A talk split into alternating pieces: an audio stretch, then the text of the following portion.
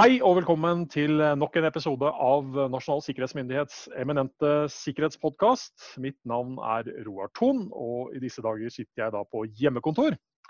Eh, og nå spiller vi da inn en rekke podkaster som en erstatning for det faktum at Nasjonal sikkerhetsmyndighets eh, årlige sikkerhetskonferanse ble kansellert av veldig tror jeg, kjente årsaker. Uh, og det vi da gjør, er at vi tar en samtale med de foredragsholderne som skulle ha stått på scenen med sine respektive ulike fagtema. og med meg i dag så har jeg Christer Tjessem, som er seniorriver i NSM. Hei, Christer. Hei, Roald. Der har vi deg på tråden, ja. ja. Sitter du hjemme, eller er du på jobb, eller? Jeg sitter på jobb i ja. en av våre kontorer. Ja. Life must go on. Vi har uh, Tjenesten går, går, videre, den, selv om situasjonen er litt spesiell. Men når vi sitter her, da, Christer, i hver vår ende av, si, av, av Oslo. hva foretrekker du? Det liksom, er, hadde det vært bedre å stå på scenen, eller er det litt mer avslappende å spille inn en podkast for meg? Du, eh, det vet jeg ikke. Det er første gang jeg skal spille inn en podkast. Ja, så det blir en spennende eh, erfaring. men, ja, ikke sant. Så, men eh, ja. Men det er jo veldig hyggelig å stå på scenen. Ja, det er det. Det, det like mye der. og så får man, får man, umiddelbart feedback på det man egentlig sier og gjør. Så du, ja. Du, Absolutt. det er få situasjoner i livet hvor du får så mye klare, eller i hvert fall, i hvert fall klare tilbakemeldinger der og da på det du gjør. Det er helt sant. Men du skulle ha stått på scenen og snakket litt om noen ting knytta til vår nye sikkerhetslov, som kom da 1.1.2019. Uh. Rett og slett uh, grunnleggende nasjonale funksjoner og veien videre. Vi kan jo begynne med å se på noen uh, sentrale begreper ja. i sikkerhetsloven. F.eks. nasjonale sikkerhetsinteresser. Mm. Det er et helt sentralt begrep ja. Eh, i, i, loven. Eh, formålet med loven er jo å trygge disse eh, nasjonale sikkerhetsinteressene ved å gi da en rekke verktøy for å forebygge, avdekke og motvirke sikkerhetstruende virksomhet. Ja. Disse verktøyene og, og, tiltakene skal jo da utføres eller gjennomføres i samsvar med grunnleggende rettsprinsipper og verdier i, i det, et demokratisk samfunn. Ja. Og Disse nasjonale sikkerhetsinteressene, hva er det? Jo, det sier loven er eh, landets suverenitet, altså mm. norsk selvstyre. Evne, til å, evne og rett til å selv bestemme i nasjonens egne eh, anliggender. Eh, vi kan også kalle det for nasjonsautonomi. Ja. Eh, nasjonale sikkerhetsinteresser går også på territoriell integritet. Eh, det er jo da fysisk kontroll over norsk territorium. Grensene våre, rett og slett? ja? Rett og slett grensene. Ja. Og det å forhindre at uh, en fremmed makt skal tiltvinge seg territorium, eller deler av norsk territorium, som da mm. tilhører Norge. Og Den siste av disse overordnede nasjonale sikkerhetsinteressene er demokratisk styreform. Det er altså en nasjonal sikkerhetsinteresse at de norske konstitusjonelle prinsippene skal ivaretas. Mm. Eh, at forsøk på rettsstrid og maktovertakelse skal eh, avsløres og forhindres. Ja. Og Videre så er, eh, er det definert noen sikkerhetspolitiske interesser som er med å definere og avgrense begrepet nasjonale sikkerhetsinteresser. Det er knytta til de øverste statsorganers virksomhet, sikkerhet og handlefrihet. Mm. Det omhandler forsvar, sikkerhet og beredskap. Det omhandler òg for, forholdet til andre stater og internasjonale organisasjoner. Mm. Økonomisk stabilitet og handlefrihet er en viktig del ja. av de nasjonale sikkerhetsinteressene. Og ikke minst da uh, samfunnets grunnleggende funksjonalitet og befolkningens grunnleggende sikkerhet. Ja, og Der er vi jo absolutt i en relevant situasjon i disse dager, når vi snakker om sånne ting. Det er eh, helt eh, sant. Eh, så disse, disse siste overordnede sikkerhetspolitiske interessene er på en måte med å definere og avgrense da, hva man tenker på når man snakker om de nasjonale uh, sikkerhetsinteressene. Mm. Men når, når, da, når, vi da tar i bruk et sånt begrep som nasjonale sikkerhetsinteresser, var det et begrep som var med den gamle loven? På en måte, ja. Formålet med den tidligere sikkerhetsloven, altså den som ble vedtatt i 1998, var jo ja. og da var jo formålet å beskytte og ivareta rikets selvstendighet og sikkerhet. Mm. Og andre vitale nasjonale sikkerhetsinteresser. Det var formuleringen den gang. Ja. Eh, så formålsparagrafen er sånn sett eh, videreført. Eh, det som er nytt, er jo den mer konkrete definisjonen da knytta til disse overordnede sikkerhetspolitiske interessene. Ja. Forholdet til andre stater, befolkningens grunnleggende sikkerhet osv. Det er nok mer konkretisert i, ja. i den nye loven. Så man har mer, mer eller mindre ut, utvida altså definisjonen av hva man faktisk og, og, forklart nærmere hva det ligger i, eh, i begrepet som sådan? Ja, det kan, man, det kan vi si. Eh, ja. Både utvida og eh, konkretisert hva man, hva man, skal på en måte tenke på når man snakker om nasjonale sikkerhetsinteresser. Ja. Mm. Men dette er jo da det overordna bildet og perspektivet. Og så kommer jo da begrepet grunnleggende nasjonale funksjoner inn, som jo da er en helt ny greie i, i da sikkerhetslovsammenheng. Og hva er det egentlig da? Ja, og dette er jo begreper som, som uh, kan være litt vanskelig å skille fra hverandre. Men uh, disse nasjonale sikkerhetsinteressene er jo da formålet uh, man skal søke å beskytte og, og opprettholde. Mm. Og så er de grunnleggende nasjonale funksjonene det er Eh, statens verktøykasse, hvis vi kan si det slik. Ja. Eh, det er altså funksjoner som er av en så uh, viktig betydning at hvis disse funksjonene får bortfall eller av andre årsaker skulle bli redusert, så vil det få konsekvenser for statens evne til å ivareta disse nasjonale sikkerhetsinteressene. Mm. Det kan være eh, tjenester, eh, produksjon eh, eller andre former for, for virksomhet. Ja. Som staten er avhengig av å opprettholde de nasjonale sikkerhetsinteressene. Mm. Så selve grunnlaget for å beslutte eh, hva som utgjør de grunnleggende nasjonale funksjonene, for det er altså en sentral aktivitet som departementene har ansvar for, ja. det er altså statens eh, sikkerhetspolitiske ansvar for å ivareta for Norges suverenitet, territoriell integritet og demokratisk styreform. Mm. Igjen da, så er vi, vi spiller jo inn dette her igjen, igjen i, i, disse dager. Altså vi, vi, får en enda større forståelse av hvor viktige og hvor kritiske enkelte faktisk sånne funksjoner er, uten at vi nødvendigvis nå har definert dem som grunnleggende nasjonale funksjoner, men bare sånn mm. forståelse av at samfunnet vårt er ekstremt avhengig av at ulike sektorer, ulike bransjer er i stand til å levere disse tingene for at samfunnet vårt som helhet skal fungere. Mm. Eh, det er helt uh, korrekt. Uh, og så er det da noen funksjoner eller avgrensede deler av funksjoner som er så viktige at staten er nødt til å beskytte dem med det lovverket som da sikkerhetsloven gir, av hensyn da å opprettholde og ivareta suverenitet og integritet. Demokratisk styre. Ja. Mm. For da er, vi, da er vi jo inne i en prosess nå hvor man da skal nettopp utpeke disse funksjonene. Og Da er vi jo på, på, en viktig ting å nevne, kanskje, at dette er jo da, det da som er med å avgjøre om enkelte virksomheter som tidligere ikke har vært underlagt sikkerhetsloven, faktisk kan bli underlagt sikkerhetsloven i henhold til at de, er, at de har en eller annen leveranse som da blir definert som å være en grunnleggende nasjonal funksjon. Eh, sikkerhetslovens virkeområde er i stor grad, eller blir i stor grad definert av hvilke grunnleggende nasjonale funksjoner som blir identifisert. Mm. Eh, og Som du sa, så har jo det vært en eh, prosess, og det er en pågående prosess. Eh, og, og tanken, eller En av tankene bak å ha den funksjonsinnretningen er jo at man med samfunnsutvikling og endring i trusselbildet osv. i årene som kommer, skal mm. kunne tilpasse og vurdere på ny, og kanskje justere på hvilke funksjoner som man ser på som grunnleggende for, for statens ivaretakelse av disse nasjonale sikkerhetsinteressene. Hvor står den prosessen i dag?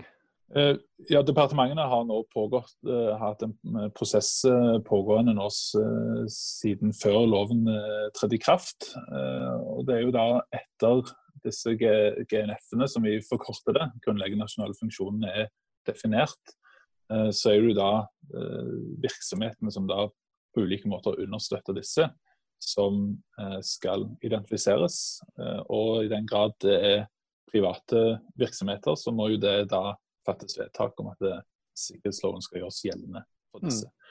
Og vi er litt uh, ulike steder i den prosessen. Uh, du vet, uh, departementenes ansvarsområde ja. er, er, veldig forskjellige. Ja. noen består egentlig i hovedsak av offentlige virksomheter. Tenk forsvarssektoren f.eks. Der har du ja. Forsvaret som den absolutt største aktøren. Så det er en enkel sak for Forsvarsdepartementet å uh, identifisere Forsvaret som en helt avgjørende aktør i mm.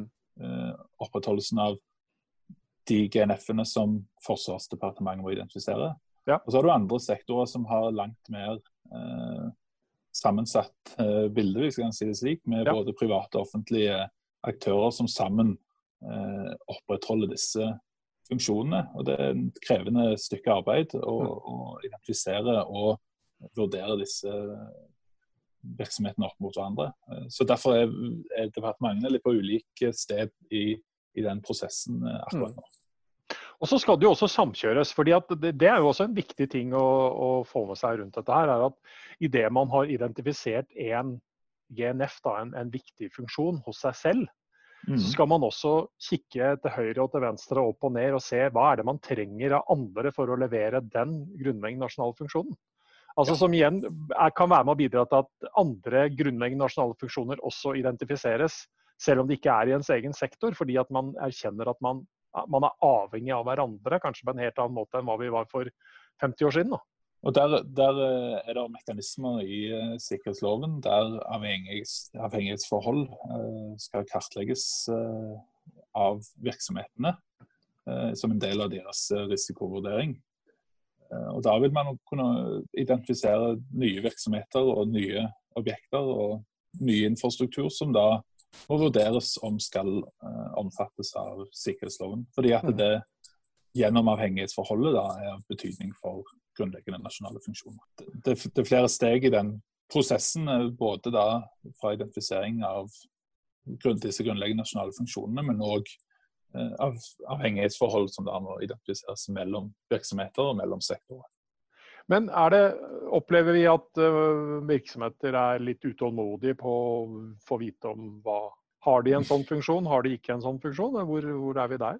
Det, det, tror jeg varierer litt. Eh, og jeg tror òg eh, en del virksomheter eh, har blitt involvert i, av sine departement mm. tidlig, tidlig, i prosessen. Ja. Så det er nok flere som vet hvor, altså hvilke vurderinger som departementene legger til grunn. Eh, men det er klart eh, det vil jo kunne ha stor betydning for, for en privat virksomhet eh, når, hvis man blir omfattet av sikkerhetsloven. Ja. Så at det hos flere er en viss spenning til det arbeidet som pågår, det er klart. Og det, det er naturlig. Ja, men hvis, men hvis, jeg har forstått det riktig, også bare for å, for å si det. dersom en virksomhet skulle da bli identifisert til å sånn underlegge sikkerhetsloven fordi man har akkurat denne leveransen, så betyr ikke det at hele virksomheten er nødt til å snus opp ned eh, som sådan, men at man er nødt til å ha ytterligere verktøy for å se på hvordan man da altså underlegger den ene leveransen innunder dette her, mens resten fortsatt da altså For å si på en litt enkel måte, da. Det mm. betyr ikke at har du, har du 10 000 ansatte, så må 10 000 ansatte sikkerhetsklareres fordi at du har én leveranse av veldig mye annet du leverer, som da uh, er så viktig som, som, det vi snakker om nå? Ja, Det er helt korrekt. Ja. Eh, og så er det òg ulike altså Noen virksomheter eh, vil være det som vi sier av avgjørende betydning. Ja. Det er da sikkerhetslovens bestemmelser vil tre i kraft for å være med og beskytte da den leveransen eller den mm. produksjonen eller den funksjonen som de utfører. Eh, men så er det òg eh, noen virksomheter som vil identifiseres som av vesentlig betydning. Mm. Eh, da har man kontroll på innsatsfaktorer som andre virksomheter burde levere. Men man, man har ikke fattet vedtak, så den, den, virksomheten er ikke da omfattet av sikkerhetsloven og de forpliktelsene som ligger der. Ja. Men det er jo et, det er jo et tredje begrep her òg. For det, det, er jo da begrepet skjermingsverdige verdier. Altså hvor, hvor Ja, de skjermingsverdige verdiene, eh, det er jo da informasjon, informasjonssystem, objekt eller infrastruktur. Mm. Eh, det er jo da eh, verdier som virksomheten eh, er avhengig av, og som de eh, råder over. Eh, som de er avhengig av for å levere den funksjonen, eller opprettholde den funksjonen som, som de har, i understøttelsen av en grunnleggende nasjonal funksjon. Mm. Hva slags rolle er det vi i NSM har i denne prosessen og identifiseringsarbeidet av GNF-er? da? Uh, eh, NSM bistår uh, departementene uh, som fagmyndighet i identifiseringsprosessen. vi har produsert en veileder som heter 'Veileder i departementenes identifisering av grunnleggende nasjonale funksjoner. Ja. Eh, den er tilgjengelig på våre hjemmesider. Mm. Eh, og I tillegg så har vi en eh, håndbok som virksomhetene kan benytte i å identifisere hvilke skjermingsverdige verdier, altså objekter, infrastruktur osv., som de sitter på, og som kan da være av avgjørende betydning da, for, for, den funksjonen som virksomheten da utfører. Mm. Eh, den er også tilgjengelig på, på vår hjemmeside. Men dette her er jo, altså alt det vi snakker om nå, er jo, altså prosessen i seg selv er jo en gigantisk stor verdivurdering av hele Norge. Det er helt uh, sant, uh, Roar. Nå kartlegges det altså helt ifra toppen uh, disse nasjonale sikkerhetsinteressene som vi snakker om innledningsvis. Ja. Så trekker man altså en rød tråd helt ned gjennom disse funksjonene og virksomhetene ned på enkeltobjekter, infrastruktur og systemer og informasjon som en da har identifisert som så viktig at de må beskyttes av de eh, tiltakene som sikkerhetsloven eh, da består av. Mm. Men når vi da gjør dette her, og vi har skrevet veileder og håndbok osv., altså er, er, altså er det noe her som også andre kan ta med seg, selv om de ikke da, kanskje føler at de er i faresonen eller ligger i liksom, sikkerheten for å bli underlagt sikkerhetsloven. Altså, er det noe her å hente for andre. da. Jeg tror eh, veldig mange virksomheter i disse eh, tider eh, har gjort eller gjør prosesser for å finne ut hva, er det, hva er våre kritiske leveranser, mm. og hva er det vi trenger for å kunne gjøre det. Det er sikkert noe som de aller, aller fleste virksomheter i dag utfører. Og da tror jeg at den håndboka i skadevurdering, mm. selv om det omfatter begreper som som da sånn sett man kun finner i sikkerhetsloven, ja. og kan være til hjelp for å stille seg de spørsmålene. Hva er det vi leverer, hva er viktig for oss, og hva er det vi trenger for å kunne gjøre. Når vi da har eh, gjort verdivurderingen, så er det jo også i dette viktig å gjøre risikovurderinger og se på hvordan man håndterer det. Har du noen, har du noen hovedpunkter på hva man da bør også tenke og se på i den forbindelse? Ja, Når det gjelder disse objektene og infrastrukturene, så er jo målet eh, å, ut, å, oppnå et forsvarlig sikkerhetsnivå. Dette er et nytt eh, begrep i sikkerhetsloven. Hva er konsekvensene dersom eh, objekter og andre leveranser da skulle falle bort? da? Det er virksomhetens rolle i det som vi da kaller for en skadevurdering. Uh, mm. Det er å identifisere da både de objektene i infrastrukturene som de er avhengig av, men òg ja. vurdere hva skjer. Altså, hva skjer med min funksjon om dette kontrollrommet eller denne uh, serveren eller denne bygningen skulle bli satt ut av drift, hva mm. skjer da med min funksjon? Ja. Uh, og da eh, vil jo den skadevurderingen være grunnlag for departementenes klassifisering. altså da Basert på de skadefølgene så skal departementene klassifisere objektet infrastruktur. Dvs. Si at de gir det en grad, kan vi si, ja. som indikerer eh, skadefølge. Så eh, I sikkerhetsloven så har vi for objektet infrastruktur tre stykker. Eh, det eh, ene, på det laveste nivået, det er viktig.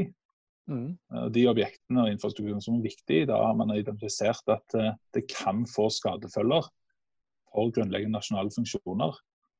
dersom objektet eller infrastrukturen blir eh, får bortfall, bortfall, eller redusert funksjonalitet, eh, eller blir utsatt for skadeverk, ødeleggelse eller rettsstridig overtagelse. Mm. Det neste nivået er kritisk. Eh, da har man identifisert og vurdert at det kan få alvorlige skadefølger. Og så er vi helt på toppen meget kritisk. Da kan det få helt avgjørende skadefølger for den grunnleggende nasjonale funksjonen. Så Dette er altså områder, bygg, eh, anlegg eh, som man har da identifisert og vurdert dit til at hvis de skulle bli ødelagt eller få eh, redusert eller bortfall av funksjonalitet, så vil det få eh, helt avgjørende skadefølger for den verktøykassen som staten da har til å opprettholde de nasjonale sikkerhetsinteressene. Mm.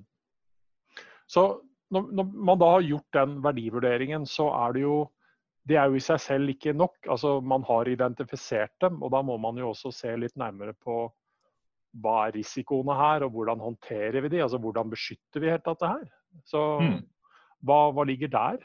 Ja, når departementene har satt uh, en klassifisering, uh, så vil det være grunnlaget for uh, virksomheten inn i risikovurderingen og håndteringen for å oppnå det som vi kaller et forsvarlig eh, sikkerhetsnivå. Ja. Eh, eh, og da vil det jo være slik at sikkerhetsloven, jo høyere klassifisering, på samme måte som med informasjon, jo høyere eh, sikkerhetsgradering, jo strengere krav eh, for dette forsvarlige sikkerhetsnivået.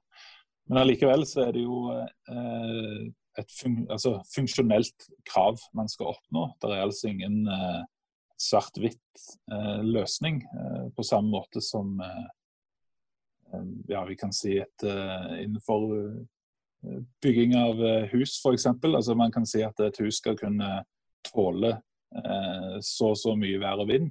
Ja.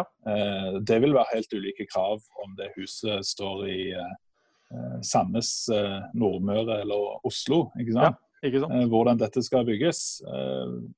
Det gjør jo at det er mer fleksibilitet i lovverket. Eh, samtidig så gjør det òg at virksomhetene har et større ansvar. Det er en eh, mer eh, omfattende og komplisert jobb for å finne mm. ut hva er det sikkerhetsnivået vi skal ligge på for å oppnå de kravene som er i sikkerhetsloven. Men du beskriver nå en prosess som vi er i. og så er det jo sånn at uh, prosesser har, har, i hvert fall en tanke om at man på et eller annet tidspunkt stopper. Og så er dette allikevel sikkerhetsarbeid som aldri stanser. Så uansett når vi er i mål med å utpeke disse GNF-ene, så kan det f.eks. i hvert fall jeg tenker sånn umiddelbart at uh, etter den situasjonen vi er i nå, med pandemi, så er det kanskje nye uh, tanker og ideer som dukker opp på, på igjen. Uh, leveranser og andre ting som, som, kanskje da ikke var på lista nå, men som ender opp på lista om et halvt år, når man da har fått sett dette i et, i et perspektiv. Forstår jeg det riktig da, hvis vi liksom aldri fullt helt kanskje egentlig stanser med de vurderingene fortløpende etter hvert som samfunnet og trussel- og risikobildet endrer seg? Ja, det er helt uh, korrekt. Og Det er òg noe av hovedtanken bak å ha den funksjonsinnretningen på loven. Uh, ja. At, at, den uh, dynamikken som vil være i, som følge av samfunnsutviklingen, endring i trusselbildet osv., ja. skal kunne reflekteres da i Eh, hvordan lovens virkeområde da eh, er definert med disse grunnleggende nasjonale funksjonene. Mm. Slik at dette vil være en kontinuerlig eh, prosess eh, som, som, vil kreve at man gjør nye vurderinger. Eh, hvilke grunnleggende nasjonale funksjoner eh, har vi? Hvilke virksomheter understøtter de? Hvilke objekter og infrastruktur, hvor viktige er de, osv. Ja. ja. Men de som hører på oss nå, og Vi har jo allerede nevnt at vi har en rekke veiledere, håndbøker osv. Men de som ønsker å vite mer, hvor, hvor bør de søke og gå etter informasjon? Ja, dette er jo et ganske snevert eh, fagfelt. Eh, ja. så, så uh, i tillegg da, til det fagstoffet og de veilederne som NSM gir ut, så er det jo gjort en del tilsvarende stykke arbeid med fagutvikling. DSB har eh, sett på samfunnets kritiske funksjoner og har noen fine, og flotte rapporter knytta til det. Ja. Eh, FFI har basprosjektene eh, og rapporter knytta til det. Så Eh, det er en del eh, tekst og god litteratur å finne der ute når vi ser på hvilke funksjoner som eh, enten det samfunnet er helt avhengig av, eller staten da i sin verktøykasse for å opprettholde de nasjonale sikkerhetsinteressene. Husker jeg det riktig hvis vi også har hatt folk på kursing osv. i de, disse prosessene her? Ja, vi hadde en kursserie som var retta direkte mot departementene. Eh, eh, som gikk på det arbeidet og metoden for å identifisere grunnleggende nasjonale funksjoner.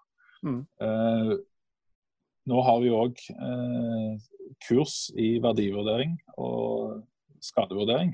Ja. Som retter seg da primært mot virksomhetene, som da skal utføre den delen som vi da snakka om i stad. Altså identifisere verdier og vurdere de opp imot uh, den funksjonen som virksomheten har. Ja. I tillegg til mange, veldig mange andre spennende kurs, uh, selvfølgelig. Nå er jo Absolutt. det ja. Det, ja, kurssenteret er også stengt som, uh, som alle andre. Så får vi jo se når det åpnes igjen. Og så vet jeg at vi har prosjekter på gang i forhold til å se litt nærmere på alt fra e-læring og sånne ting. òg. Så ja. selv en organisasjon som oss uh, tar etter hvert i bruk teknologiens, uh, teknologiens muligheter. Uh, Christer. Absolutt. men da er det også å kunne gå på NSM, stat.no eller nsm.no, bare rett ut. man kan finne ting hos FFI, man kan finne ting hos DSB. Så det er en rekke ting å, å følge med på her. Og det er klart at Noen som lytter, de sitter kanskje også i prosessen i sin egen virksomhet for å, å være en del av dette her. Så her er det veldig mange involvert i noe som, som jeg tror i disse dager vi forstår kanskje enda bedre hvor faktisk viktig er å få, eh, få en oversikt over og finne altså, fornuftige tiltak på hvordan vi best mulig kan sikre samfunnet vårt mot en rekke ting av det som faktisk kan skje. Men uh, da, da, går liksom tiden, tiden, ut. Din scenetid begynner å nærme seg slutten her nå, Christer. Er det noe avslutningsvis du kunne tenke deg å, uh, å si? Uh, nei, det har vært en hyggelig opplevelse å spille inn podkast. Selv om vi selvfølgelig skulle ønske vi sto på scenen på sikkerhetskonferansen. Ja. Så har det vært en hyggelig samtale om et spennende fagstoff. Absolutt, og ikke bare spennende, men også et særdeles viktig tema. Så mm. da takker jeg for din eh, sceneinnsats uh, digitalt. Uh, og så ønsker jeg deg en uh, trygg og sikker dag videre. Og så er det jo sånn at vi også går mot påske, så da ønsker jeg deg også riktig god påske, Christer. Takk for innsatsen. Takk i like måte.